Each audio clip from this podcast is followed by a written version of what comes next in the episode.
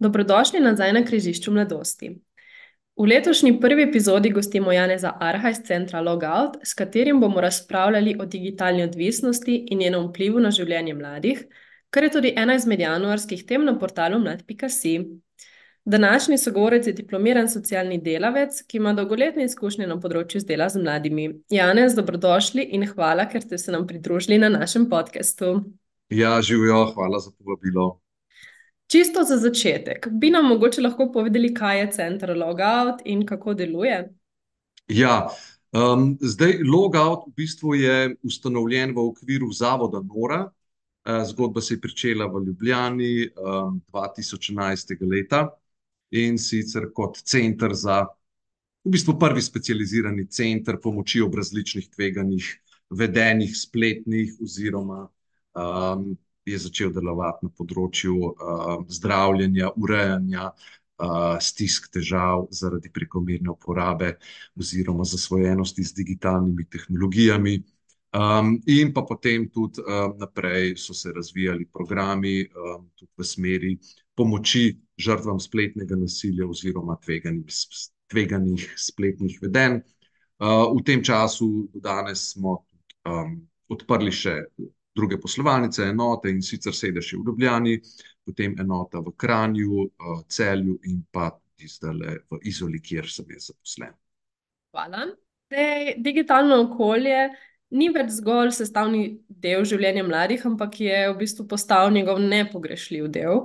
In v družbi, kjer so pametni telefoni, družbena omrežja, spletna interakcija, stalnica, me zanima, kaj so vaše opažanja o tem, kako to vpliva na način komuniciranja med mladimi, na njihovo izražanje, na razmišljanje o svetu in na oblikovanje lastne identitete? Ja, bi se strinjal, da je to uh, en tak prevladujoč način preživljanja prostega časa pri mladostnikih in pa tudi prevladujoč način komunikacije oziroma ena taka oblika druženja. Um, zdaj, uh, jaz mislim, da glede na to, da veliko tudi časa njihovega zauzame, mislim, da preko teh, uh, predvsem uh, socialnih, družbenih, družabnih omrežij, kakorkoli jim rečemo, se spoznavajo, družijo, ohranjajo stike, so nekako ohranjajo svojo prisotnost, um, delijo stvari iz svojega življenja, spremljajo predvsem. Uh, ne samo vrstnike, ampak tudi neke, bom rekel, njihove vzornike, tako imenovane vplivneže, influencerje, kako temu rečemo.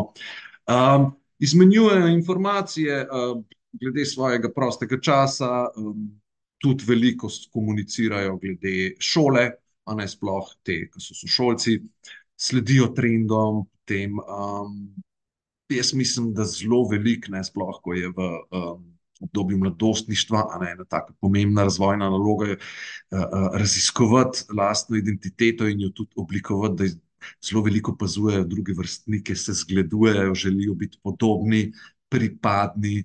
Ne, ker se mi zdi, da je en tak močen strah pri mladostnikih, da bodo izločeni, da ne bodo sprejeti, da bodo veljali za malo čudne, nenavadne, ne, nerazumljene.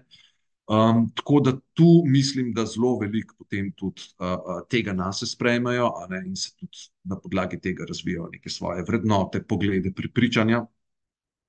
Jaz mislim, da tudi so aktivni, ne, bom rekel, državljani, um, sodelujejo v kakšnih kampanjah uh, preko teh digitalnih različnih platform, um, so, se tudi družbeno-politično um, udejstvujejo. Ne, sploh se mi zdi, da um, jaz jih malo pogrešam zdaj, kar se tiče vseh teh uh, globalnih ne, problematik, sploh kar je uh, teh podnebnih sprememb. Me veseli, da so aktivni, ampak bi želel še več, namreč oni bodo tisti, ki bodo pač nasledniki nasledili vse to, kar jim naša generacija zapušča, žal. Um, zdaj me pa tudi veseli, ne, da uporabljajo ta socialna omrežja za to, da se dogovarjajo kdaj, kje se bodo dobili v živo in se družili v živo. Namreč, veste, druženje v živo je za rekel, naše um, možgansko, nevronsko delovanje nekaj popolnoma drugega, kot pa uh, preko ekrana druženje. Tako da tu se mi zdi, da je kar en zelo uh, uh, močen ta vpliv. Zdaj, doskrat tudi um, razvijajo preko spleta neka malce nerealna pričakovanja, v smislu, ko opazujejo kakšne uspešne profesionalne igralce videoiger, streamerje, influencerje, ne, in si ustvarijo neko poenostavljeno sliko, kako bodo oni tudi, ne, um, šli v to smer in se s tem preživljali in uspešni. Mm, Zdaj, absolutno, ne, um, jaz mislim, da se je tudi neka specifik, specifičen humor, predvsem te memi, ne, so neka taka oblika, ko uh, je verjetno bolj uh, domača mladostnikom. Um, zelo veliko tudi uporabljajo razno raznih kratic. Srečujemo se s tem, da so mlajše generacije veliko boljše v razumevanju angleščine, predvsem prek uporabe ne, spleta. Zdaj je pa tudi, a ne, in razvijal nek lasten komunikacijski stil. Um, je pa zdaj ena bolj taka stvar, ki je tudi že kar nekaj časa lahko problematična, so te tako imenovani echo chambers, odmevne komore, ne, to so določeni portali oziroma določene uh, mo, portali virtualne skupnosti, platforme, kakorkoli, kjer se ljudje z podobnimi prepričanji srečujejo in dejansko potem preko teh istih prepričanj, vrednot, a ne s ponavljanjem, utrjujejo neke lahko tudi, bom rekel, škodljive, neka prepričanja, a ne, a, a, neka, ki pravzaprav niso kritično preverjena in jih samoumevno sprejmejo za svoje, in doskrat te stvari lahko vo- vodijo v neko večjo polarizacijo oziroma kakšne ekstremizme. Postavili ste kar nekaj pozitivnih stvari, zdaj med temi mogoče dvemi, ki sem jih jaz zaznala kot malo bolj negativne in sicer ta zadnja, te echo chambers, pa um, previsoka pričakovanja oziroma nerealna pričakovanja um, Ja, zdaj- določenih področji. A, ja, zdaj, a veste, tu recimo ena stvar, ki je pa, jo lahko tudi če omenimo, ne, to je pa globalna ne, težava in sicer m, duševno zdravje, zdaj bom, re, bom rekel za primer mladostnic, mladoletnih deklet na globalni ravni. Namreč, um, se pravi, podjetje Meta, ki si lasti Instagram, je pred nekaj leti izvedlo lastno interno raziskavo na področju duševnega zdravja uh, mladoletnic, ki so redne uporabnice Instagrama. In tam so zaznali, da je okrog 30 odstotkov njih ima resne težave v duševnem zdravju, prav preko tega, ker želijo biti podobne, um, želijo živeti tak življenjski stil, ne, ne kritično, ne, uh, verjamejo, da je vse to, kar vidijo, realnost vsakodnevna, ne, da v resnici gre pa za neke trenutke, neke popolnosti, ki so vnaprej zrežirani, fabricirani, ne, obdelani, predelani, ne. In tu se potem, ne, sama ta njihova samopodoba, ker dejansko so to neki nedosegljivi cilji, tudi zunanji izgled. Uh, recimo ena raziskava v Sloveniji je pokazala, da je tam okrog uh, več kot 20 odstotkov mladoletnih deklet, ne, ki želijo upraviti nek lepotni poseg, skladno z nekimi trendi, ki jih zasledijo na spletu. ne. Tako da tu zasledimo kar veliko težavo v duševnem zdravju, od um, se pravi težav s samopodobo, uh, depresivnostjo, samopoškodovanje, motnje hranjenja, ne. in pa tudi kakšne ne, nepremišljene um, kirurške posege, ne, ki se klavrno končajo. Tako da veste, tega je kar veliko v resnici. Ne. Da ne govorimo potem o možnostih ne, nekega spletnega nasilja, s katerim se srečujejo.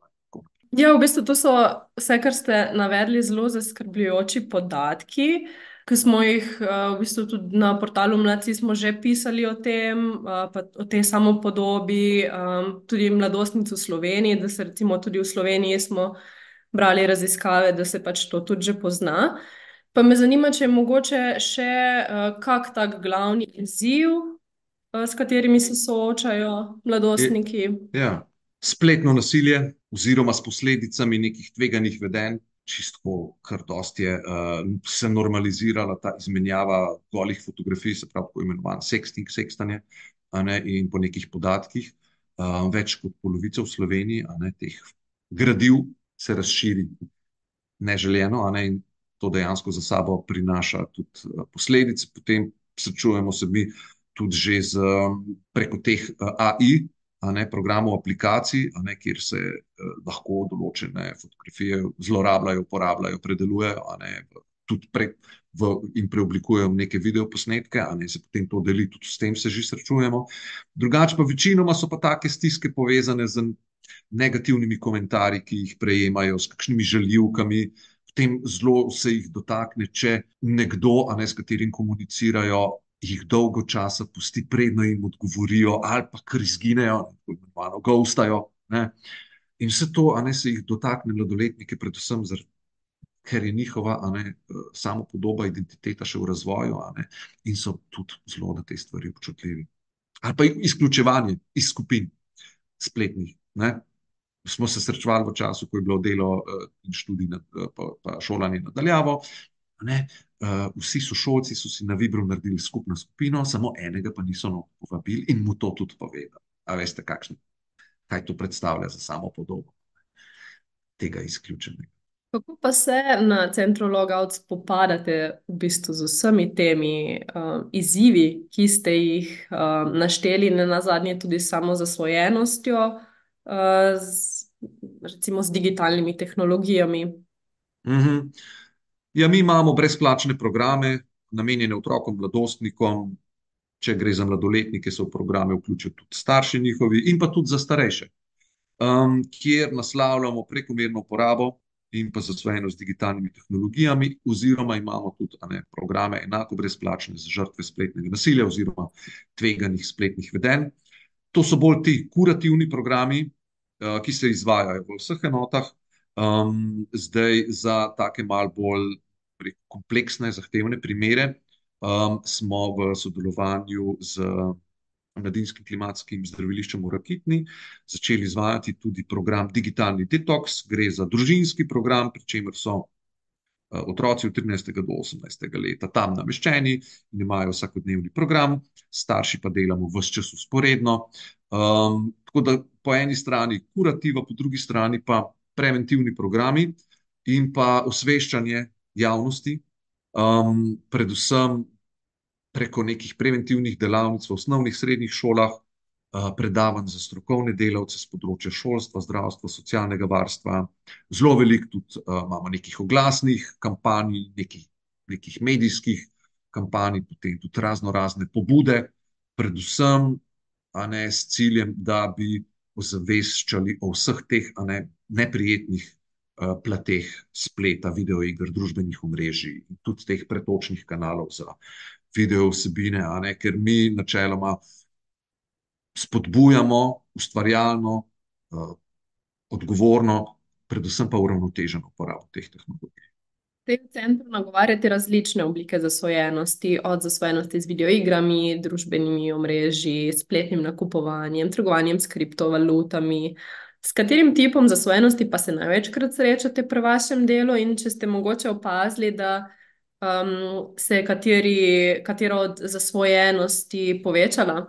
Dej, ko prednjači zasvojenost oziroma prekomerna uh, uporaba uh, z namenom igranja videoiger, spletnih potem um, zasvojenost z družbenimi omrežji. Zdaj, doskrat gre za kombinacijo obeh, namreč um, določene videoigre, oziroma tiste, ki so najbolj igrane, omogočajo istočasno komunikacijo med igravci, tako da imamo še nek občutek, da se družimo med igranjem.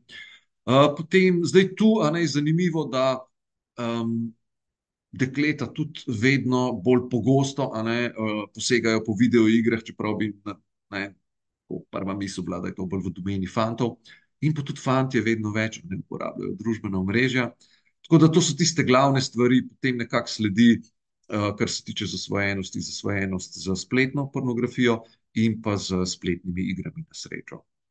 Pa se mladi sami obrnejo na vas, uh, ko pride do reševanja teh težav, ali se večinoma starši obrnejo, ali kako gre po navadi? kadar gre za mladoletne otroke, mlado, mladostniki so starši, tisti prvi, ki vzpostavijo stik. Um, pri starejših pa sami, seveda. Um, zdaj, FOMO, Fear of Missing Out, je pojav, um, ki se še posebej v digitalni dobi zelo širi in ima na mlajšo populacijo lahko velik vpliv. Kako vi uh, opažate vpliv FOMA, torej, torej tega strahu pred, um, kaj bi rekla, um, zdaj mi je beseda? Zamujenim. Tako, ja.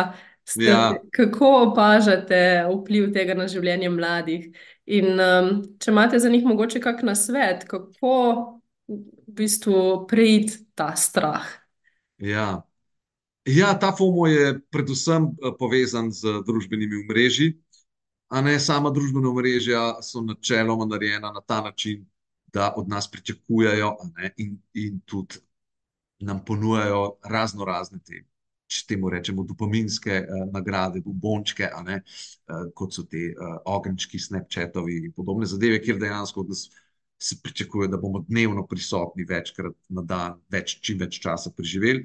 In zdaj, ko to enkrat postane naša navada, ne kadar se zgodi, da nimamo možnosti uporabe, ne uh, malo smo tesnobni lahko. Imamo občutek, da nekaj pomembnega zamujamo, um, da uh, se teče svet mimo nas, brez naše prisotnosti, da nekaj pomembnega zamujamo, da smo zamudili kakšno pomembno druženje, kakšne pomembne informacije. In tudi oskrat potem, ne, uh, vidimo tudi, da ljudje, ker imamo tudi odrasli, ne veliko krat telefone, vse čas v rokah, ko hodimo, ko kje sedimo, čakamo v čakalnicah. Ena taka oblika, a ne, FOMA. Na račun varnosti, a ne sebe in drugih, veste, ljudje, ki se med vožnjo oglašajo na telefone, ki vozijo, a ne so večinoma odrasli. In gre za, po mojem mnenju, popolnoma identično, da ne bom zamudil pomemben klic ali kaj takega. Um, zdaj, seveda, a ne. Usporedno s tem se je pa kot odgovor pojavil tudi joy of missing out, ne?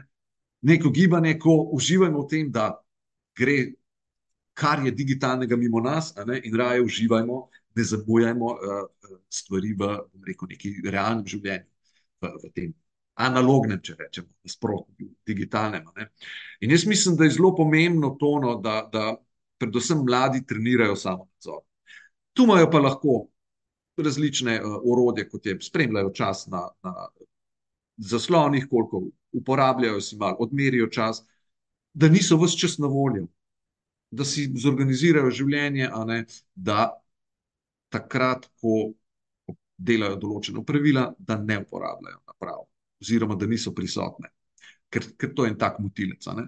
Potem uh, zelo dobro je načrtno malo razmišljati, raziskovati, izbirati neke aktivnosti, ki so prijetne in tudi ne, uh, prinašajo zadovoljstvo, in pri katerih ne, ne potrebujemo uporabljati zaslonov kot neko nadomestilo za tisti čas.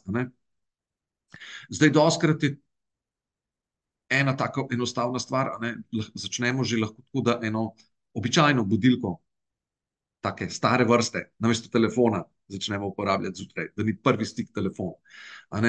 Potem um, doskrat pomaga, ne, če je na začetku ne, težko biti brez. Ves čas brez telefona, ne kakšne oblike treninga čuječnosti, kakšne vaje za čuječnost, ne ko se človek dejansko uh, obrne na svoje čute na, in je prisoten, čuti v nekih prostorih, potem tudi meditacija, zdaj zelo zdravo je tudi gibanje. In pa čim več druženja v živo, brez naprav. Vse to, kar ste našteli, je v bistvu že kot nekako del digitalnega detoksa, kjer si vzamemo čas stran od naših naprav. In uh, tudi to je nekako med mladimi vedno bolj poznano, in vedno več mladih se tudi za to odloča. Me pa zanima, kako lahko mladi prepoznajo, da je zdaj čas, da, to, da zdaj oni to rabijo? Kaj so neki taki znaki, ko jim povejo, da je mogoče si pa preveč na telefonu, vzemi si malo odmora? Ja, se kar srečujemo z digitalno preobremenjenostjo, izčrpanostjo, ki se pogosto pojavlja, uh, lahko tudi kot glavoboli, zaradi preveč zrtja v ekrane, vem, bolečine v očeh. Ne, dolgoročna uporaba ekranov vpliva na poslabšanje vida. Ne, zdaj, če to pomeni, da se manj gibamo na upad neke telesne kondicije, ne, zasedenost, ne, samo telo se uh, ne razvija tako, kot bi se moralo. Upažamo tudi, a ne v povezavi z pretirano uporabo, upad motivacije za učenje, za druge aktivnosti, za kakšne športe, umetnost, uh, za delo za šolo, za druženje z vrstniki, za kakšna hišna gospodinska upravila. Opažamo tudi, a ne porast depresivnosti, socialne anksioznosti zaradi uporabe, pretirane, prokrastinacija, se pravi prelaganje manj prijetnih upravil na kasneje, ob zavedanju, kakšne negativne posledice to prinaš, prinaša, uh, vpliva zelo ne, na koncentracijo, ki se slabša, na spomin. Zdaj, en znak je tudi, a ne, neko, neka aks- anksioznost, kadar nimamo, a ne, zaslonov, jih ne uporabljamo, kakšna čustvena, močna reakcija, kadar mogoče starši nam oduzamejo napravo, a ne, to so nekak znaki, da pretirano uporabljamo in jaz mislim, da je to, ali pa kadar je veliko prepirov v domačem okolju zaradi tega, a ne, takrat je čas, da začnemo digitalni detoks, a ne, izvajati na vsake toliko časa, ali pa za kakšen teden, kakšen mesec in take stvari. Če greva iz digitalnega detoksa na digitalni vsakdan, um, kako lahko mladi razvijajo zdrav odnos do digitalnih um, tehnologij v, v pač vsakodnevnem življenju? Ja, zdaj meni se zdi, um, da pri mladoletnikih so starši zelo pomembni, ker mladostniki razvojno še ne zmorejo sami nadzirati, regulirati med prijetnimi in neprijetnimi stvarmi. In tu mora biti pomoč staršev, ne preko nekih pravil, dogovorov, katere seveda starši naj spremljajo, izvajajo. ne, In tudi san- sankcionirajo, če se krši te pravila, dogovore, oziroma nagradi, če dlje časa dostnika ne, um, zmore se držati teh dogovorov. Um, dobro je tudi, a ne. Um, določiti določene dele v dnevu, ne, ko se ne uporablja. Zdaj, meni se zdi pomembno, da človek postavi si prioritete, ki so pomembne za njegov zdrav telesni razvoj, uh, duševni razvoj, ne, ki so, se pravi, aktivnosti, ki so usmerjene v neko, uh, rekel, dobro prihodnost, ne, tudi izobrazbeno. Um, tako da tu, kot sem že omenil, so kakšne eh, aplikacije za spremljanje časa, uh, tudi za recimo omejevanje uporabe. Nujno je skrbeti za ritem spanja, najmanj 8 ur, prehranjujmo se brez ekranov, um, potem gibanje dnevno, ne, ni nujno zdaj vrhunski treningi, ampak neko dnevno redno gibanje. Dajmo se medsebojno podpirati, naj se mladostniki medsebojno podpirajo, a ne, a si dajo izzive. Um, predvsem, no, pa zdaj največja težava je, ne, med tem, ko se učim, vse čas, ne, eh, je telefon motilec in me prekinja in mi krade čas. Dajmo takrat, ne, ko se učite, dajte na stran vse naprave, ki vas motijo. Bi imeli mogoče kak nasvet tudi za mladinske delavce, ki tudi poslušajo naš podcast, kako um, se lahko oni seznanijo, oziroma bolje seznanijo s tveganjem digitalnega sveta za mlade, da so v bistvu lahko tudi oni tisti, ki aktivno pomagajo. Ja. Najboljši vir so mladostniki, s katerimi imajo stik v svojih pač aktivnostih, programih. Um, predvsem morajo biti odprti, da ne obsojajo aktivnosti, se pravi teh digitalnih aktivnosti, ki jih izvajajo mladostniki, um, da so učljivi, da se znajdejo, znajo poiskati informacije, um, da znajo spremljati zdaj te aktualne, a ne novosti, ki so se zelo hitro, kar dnevno, ne, na teh, uh, na spletu dogajajo. Um, da nekako vključijo, ne, v, uh, delavci, ne, um, vlade v načrtovanje nekih alternativnih načinov preživljanja prostega časa, kjer ni potrebno uh, uporabljati zaslone, ne. Predvsem, da znajo jim stopiti nasproti in biti v neko čustveno oporo, kadar ne, so mladostniki žrtve spletnih, uh, kakšnega spletnega nasilja, tveganih vedenj ali pa tudi ne, prekomerne uporabe, da znajo napotiti mladostnike, informirati, na koga se lahko obrnejo.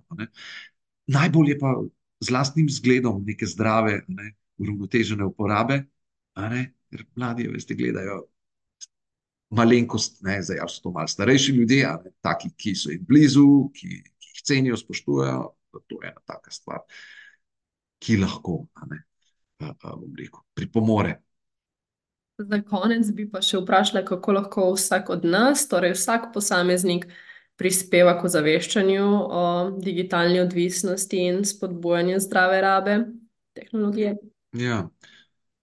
Zelo dobro, ne, je imeti v mislih, s kakšnim ciljem, s kakšnim namenom grem zdaj vzeti telefon v roke ali pa grem na računalnik. Zakaj, kaj iščem, kaj me zanima. Ne, in potem res bolj tega držim in se ne prepuščam vsemu temu, kar mi ne, na ključnega, ne, vedno nekaj novega a, splet ponuja. Dajmo ustvarjalno uporabljati, varno, odgovorno, um, potem uravnoteženo. Dajmo res uh, izbrati določen čas, ko se odključimo. Ne potrebujemo biti vse čas ne, odzivni in na dosegu. Um, ne vem, iščimo, preizkušajmo neke vrste aktivnosti, ki nas tudi zadovoljujejo in jih lahko izvajamo, kot že menil, brez ekranov. Zdaj, uh, dobro se informirati o tem, kako prepoznati, da je mogoče preveč, in potem v tistem trenutku ne, tudi lahko se obrnete na nas, ne, da mogoče ne, naredimo nek načrt, podamo neko smernico za bolj uravnoteženo uporabo. Je pa tako, lasten zgled. A veste, če vsi v razredu uporabljajo, ja, jaz tudi želel, ali pa če vsi v prostem času zunaj na igrišču uporabljajo, bom tudi jaz želel. Hvala za te napotke. Bi mogoče poslušalcem za konec poročili še kaj? Ja, jaz mislim, da um, splet, uh, digitalne uh, te produkti ne, so zelo, zelo uporabna zadeva, koristna. Dajmo jo malo več uporabljati za te namene, za katere je pravzaprav prvotno ne, bila ustvarjena, in res dajmo, a veste, delati na tem, da bomo mi nadzorovali naše življenje, ne zaslon. No, hvala za te spodbudne, uh, inspirativne zadnje besede. Uh, tako da se vam bom še enkrat najlepše zahvalila, ker ste si vzeli čas in se pridružili našemu podkastu. Hvala vam. Hvala.